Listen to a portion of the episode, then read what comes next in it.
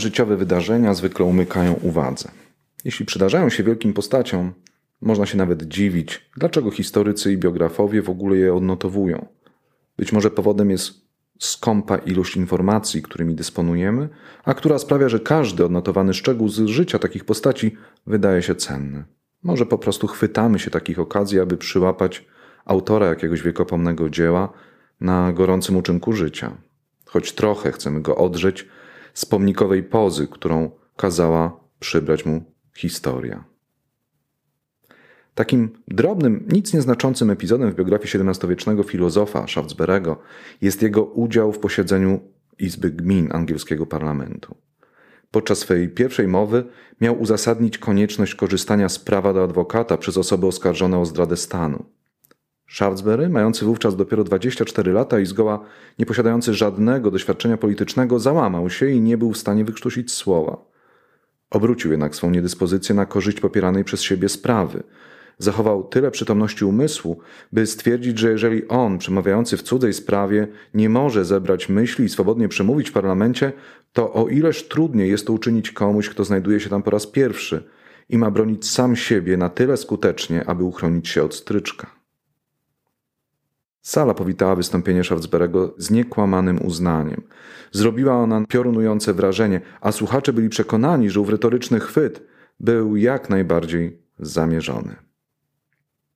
Filozoficznie owo zdarzenie wydaje się być całkowicie bez znaczenia, co najwyżej ukazuje wrażliwca, nie do końca odnajdującego się pośród politycznych wyjadaczy. W gruncie rzeczy chodzi przecież tylko o retoryczny chwyt. Jednak ten przeskok od dyskusji politycznej do retorycznego wybiegu ukazuje chyba najbardziej charakterystyczną cechę postawy Schaftsberego, jaką jest estetyzacja życia. Także typowe dla jego światopoglądu przekonanie o celowościowym charakterze natury Schaftsberry wyraża tak, jak podpowiada mu to jego wrażliwa, uczuciowa natura. Daleki jest zarówno od religijnego przekonania o czuwającym nad światem opatrznościowym ładzie, jak i racjonalnie skonstruowany system postulujący, że wszystkie cząstki natury połączone są ze sobą mocą przedustawnej harmonii. Potwierdzeniem przekonania o przenikającym całość natury powiązaniu wszystkich rzeczy jest dlań przemożne doświadczenie naturalnego piękna. Nic dziwnego, że późniejsi romantycy odnajdywali w Schaftsberym swego patrona, niesieni falą takiego samego jak i on uczuciowego entuzjazmu. Słowa Teoklesa, bohatera szaftsburiańskich moralistów, brali za własne. Oto Teokles powiada tak. Chwały pełna naturo, najpiękniejsze i najwyższe dobro, wszechmiłująca i przeurocza, wszechboska. Ty, której widok ma tyle nieskończonego wdzięku, której badanie przynosi tyle mądrości, a kontemplacja tyle rozkoszy, której każde pojedyncze dzieło przedstawia rozleglejszą scenę i szlachetniejsze widowisko niż to wszystko, co przynosi sztuka. Shaftesbury nie byłby jednak sobą, gdyby nie włożył w usta Teoklesa autoironicznej uwagi. Przebudziwszy się niczym ze snu, pyta on, czy ów hymn do natury nie wygląda aby na całkowity obłęd. W tym autoironicznym geście postaci szaftsburyjskiego dialogu dostrzegamy jeszcze jeden przejaw estetyzacji, jakim jest zdystansowanie się wobec świata. Tę estetyzację życia można uznać za przejaw głębokiej wrażliwości na piękno natury, jeśli nie piękno duchostwa. Łatwo podziwiać urodę świata, jeżeli fortuna sprzyja, a towarzyszy jej delikatność charakteru. Tę estetyzację widać chociażby w silnym związku estetyki i etyki. Jeśli człowiek, mikrokosmos, ma stanowić odbicie makrokosmosu, jego powinnością jest zaprowadzenie we własnym wnętrzu ładu, który będzie wiązał rozmaite impulsy w całość tak harmonijną jak ta, która przejawia się w pięknie natury. Tylko rozpoznając, że wraz z innymi ludźmi człowiek tworzy wspólnotę, tylko rozpoznając, że jeżeli jego działania mają zrealizować jego własne dobro, muszą także przyczynić się do dobra ogólnego, którego człowiek jest cząstką, to tylko wtedy możliwe jest stworzenie zgmatwaniny własnych przeżyć, emocji, uczuć, dążeń, wewnętrznego porządku kosmosu, który będzie rozbrzmiewał równie harmonijnie jak sfery niebieskie. Więź łącząca ogół rzeczy natury, Shaftesbury nazywają za plotynem i stoikami sympatią. Znajdzie wówczas swój odpowiednik w postaci silnie odczuwanego związku z innymi ludźmi, stanie się sympatią prawdziwie ludzką. W owym doskonaleniu charakteru Pomocą może służyć entuzjastyczny zachwyt naturą, do którego źródłowo predestynowany jest każdy człowiek, ale też sztuka, która ma wyzbyć się zbędnej, oddziałującej tylko na zmysły pustej afektacji. Płótno malarskie nie ma być jedynie pstrokacizną, ma umoralniać, ma uzmysławiać odbiorcy, że zawsze staje przed wyborem pomiędzy przyjemnością i cnotą, tak jak malowany przez wielu Herkules dokonujący wyboru pomiędzy drogą wskazywaną przez boginię przyjemnością i drogą, do brania której nakłania go bogini cnoty. Wewnętrzną predyspozycję do czynów nieegoistycznych i kierujących się życzliwością pobudza doświadczenie naturalnego porządku, upiększające ludzką duszę. Umacnia zaś aprobata ze strony innych osób, pozwalająca żywo odczuć łączące ludzi więzi przyjaźni. Czy to jednak wystarcza? Czy poczucie bycia integralną częścią natury nie jest jedynie chwilowym uniesieniem, mijającym, gdy tylko chmury zakryją słońce? A aprobata innych? Co z cnotą w łachmanach, nie wystawioną na widok, nie szukającą poklasku, nie znajdującą uznania?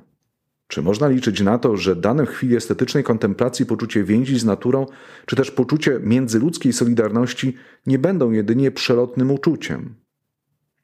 Nawet jeśli pisma Schaftsberego zachwycały wielu czytelników, a jego zauroczenie naturą znalazło kontynuatorów w postaci późniejszych romantyków, nieraz podnosiły się głosy oburzenia, napominające, że na wewnętrznym poczuciu słuszności nie można zbudować żadnej moralności – że ludzka afektywność to zbyt chybotliwy wehikuł dla ludzkiej społeczności, wehikuł, który musi rozbić się w starciu z twardą skałą sprzecznych interesów i zwykłego ludzkiego egoizmu.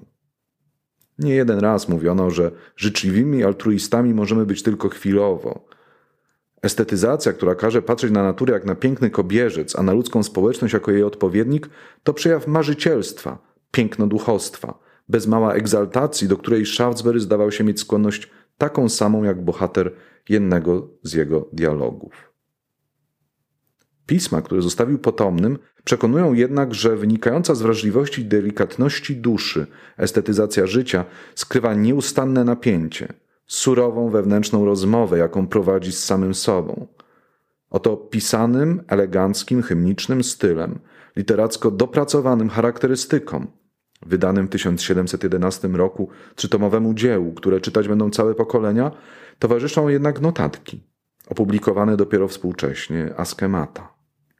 To przepisane samemu sobie ćwiczenia moralne, świadectwo wewnętrznych zmagań. Autorem jednych i drugich jest ten sam człowiek.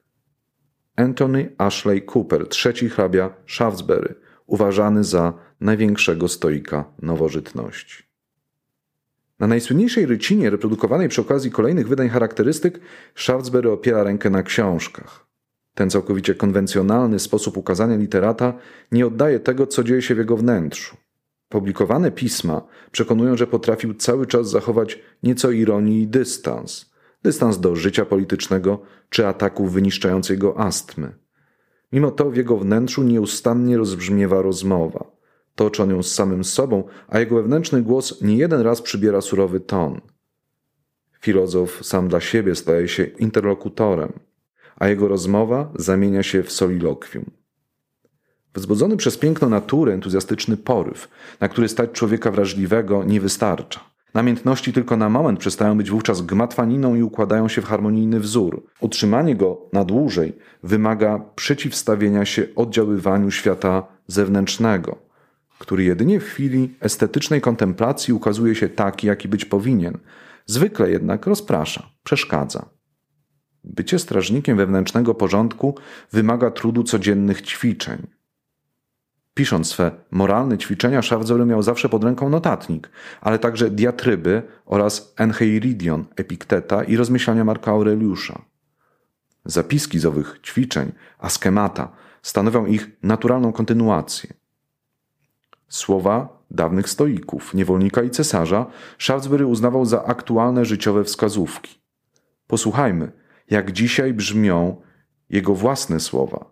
Słowa urodzonego 350 lat temu angielskiego arystokraty, głoszącego pochwałę piękna moralisty, uznawanego za największego nowożytnego stoika. Anthony Ashley Cooper Shaftesbury Charakter i postępowanie ze sobą. Jakie ja mam wyobrażenie o sobie? Jak postępuję ze sobą? Wszystko zależy od natury charakteru, a to, co uczyni z nim fantazja, na ogół przejawi się w postępowaniu z samym sobą, zależnie od tego, jak potoczy się rozmowa. Czymże jest ów charakter, którego mam się trzymać? Jak mam postępować, aby być w zgodzie ze swym charakterem? Kim jestem ja? Kimś takim a takim, synem kogoś takiego a takiego, należę do takiej a nie innej rodziny, takiego a nie innego kraju, zamieszkuję taką a nie inną posiadłość, noszę taki czy inny tytuł. Na czym polega ma wartość jako kogoś takiego? Na sprzętach, jakimś ubiorze, ceremoniach, położeniu? Jakie rzeczy stoją niżej ode mnie? Prostackie nawyki, pospolity wygląd, pozostawanie w cieniu, pogarda. Tak właśnie dzieje się zawsze, gdy znajduję się w towarzystwie obcokrajowców. Jestem Anglikiem. Jak mam zachować swój charakter? Jak zdobyć czyjś szacunek dla Anglii? Człowieku, czymże jest dla ciebie Anglia? Dlaczego wymieniasz właśnie ją, a nie własną parafię czy całą Europę? Niech i tak będzie. Urodziłem się na tych wyspach, na jednej z nich, w pewnej części jednej z tych wysp, na które obowiązuje ta sama władza i te same prawa. Wzgardzam przypisywanie mnie do takiej czy innej parafii czy miasta, bo są jedynie częścią owej większej całości, podlegającej jednej władzy.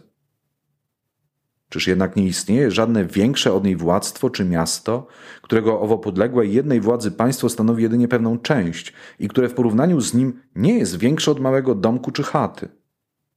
Jak mają się prawa owego miasta do owych innych praw? Który z rządów jest bardziej sprawiedliwy? Które z tych praw jest najbardziej starożytne, najmądrzejsze, najdoskonalsze, najtrwalsze i najbardziej niepodważalne? Które zaś niższe rangą i podrzędne? Ze względu na jakie prawa i dla dobra którego z owych miast zostałem stworzony jako człowiek? Skąd pochodzą otrzymane przeze mnie narządy zmysłów, zdolności umysłowe, intelekt, rozum? Gdzie zatem znajduje się moja ojczyzna? Gdzie władztwo, czy też miasto, od którego mógłbym zaczerpnąć swe imię, a które nie są prowincją czy dystryktem czegoś większego? Raz jeszcze zacznij od początku i rozważ, czymże jest to Twoje ja. Rozważ, kim jesteś. Po pierwsze, jesteś człowiekiem kimś takim a takim, synem kogoś takiego a takiego, noszącym takie, a nie inne nazwisko? Nie. Kimże zatem? Człowiekiem, istotą rozumną, o pewnym pochodzeniu, pewnym miejscu zamieszkania? Jako ktoś taki, czegóż jestem wart, nad czym góruję? To wszystko jednak urojenia. Dlaczego urojenia? Czy to moja ojczyzna, jak ją nazywam, mnie stworzyła? Czy to owo państwo zarządziło, że się urodzę? Czy moi rodzice byli na tyle wprawnymi sztukmistrzami, że to im zawdzięczam budowę mego organizmu? Czy też byli jedynie narzędziami w innych rękach? Do czego i do kogo należę? Kto jest stwórcą mego istnienia? Jaką przewidział dla mnie perfekcję i doskonałość? Rozważ. Jesteś człowiekiem. Czy to coś znaczy, czy też nie? Jeśli nie, cóż nazywasz zaszczytem? Dlaczego zatem tak troszczysz się o siebie i siebie cenisz? Dlaczego czujesz się urażony, gdy tylko ktoś poniża cię i uznaje za jedno ze zwierząt? W czym tkwi różnica pomiędzy nimi? Czyż jednak nie powiadasz, że nie ma jej wcale? Czy nie wystarczy ci pokarm i napój, cokolwiek, czego byś zapragnął do jedzenia czy picia? Dlaczego zatem kierujesz swe pragnienia ku czemuś więcej? Za co miałbyś cenić w sobie przymioty człowieka, skoro nie istniałby żaden szczególny ludzki rys charakteru czy godność? Jeśli coś takiego by istniało, czym by było? Czymże, jeżeli nie tym, czym różni się człowiek od zwierzęcia? Czym jest zwierzę? Nierozumnością, żarłocznością, rozpustą i dzikością. Czym zatem jest człowiek, jeżeli nie rozumem i humanitarnością? Wiarą, przyjaźnią, sprawiedliwością i prawością. Rozważ zatem – jak można ów ludzki charakter zachować, a jak można go stracić? Kiedy moje postępki odpowiadają memu usposobieniu? Kiedy zachowuję godność właściwą memu rodowi i urodzeniu? Co decyduje o mej wartości? Nad czym góruję? Czy nie nad udawaniem kogoś innego? Nie nad podchlebstwami i zabieganiem o czyjeś względy? Czyż nie jest poniżej mojej godności zniżać się do tego, aby szukać poklasku i zabiegać o czyjąś łaskę i względy? Czyż nie jestem godzien tego, aby zdobyć się na wolność, na wspaniałą myślność, nieulękłość, wielkoduszność? Dlaczego zatem mówię, że coś innego jest poniżej mojej godności? Dlaczego zastanawiam się, czego jestem godzien? Lecz przecież jest poniżej mojej godności, gdy ktoś widzi mnie, jak zdradzam taki nawyk. Wytwórz zatem inny, bogaty, przyodziej się weń, gdyż nań zasługujesz. Zasługujesz na posiadłość, powóz, ekwipunek. Jak poradziłbyś sobie z ubóstwem i trudnościami, jeżeli twym przeznaczeniem nie byłaby wolność, hojność i wielkość, albo gdybyś urodził się dla nich, ale byś się wyrzekł swego prawa i sam uczynił się niewolnikiem? Czy mógłbyś uczynić coś innego niż płaszczyć się, zniżać zawsze wtedy, gdy miałbyś nadzieję na bogactwa, sławę, zaszczyty czy awans? Cóż bowiem znasz lepszego i wyższego, dlatego pamiętaj, że albo jesteś wyższy ponad to wszystko, albo nie. Jeżeli nie, rób wszystko, co konieczne, aby je zyskać. Udawaj, pochlebiaj innym, umizguj się do nich. Jeżeli jednak jest to poniżej Twojej godności, dlaczego miałaby być nią hańba lub ubóstwo? Dlaczego poniżej mojej godności miałoby być to wszystko, w czym najlepiej mógłbym ukazać się jako człowiek? Dlaczego miałyby być niegodne mnie najszlachetniejsze słowa czy działania? W czym zatem tkwi Twa wartość? Decyduj. Decyduj w jednym lub drugim.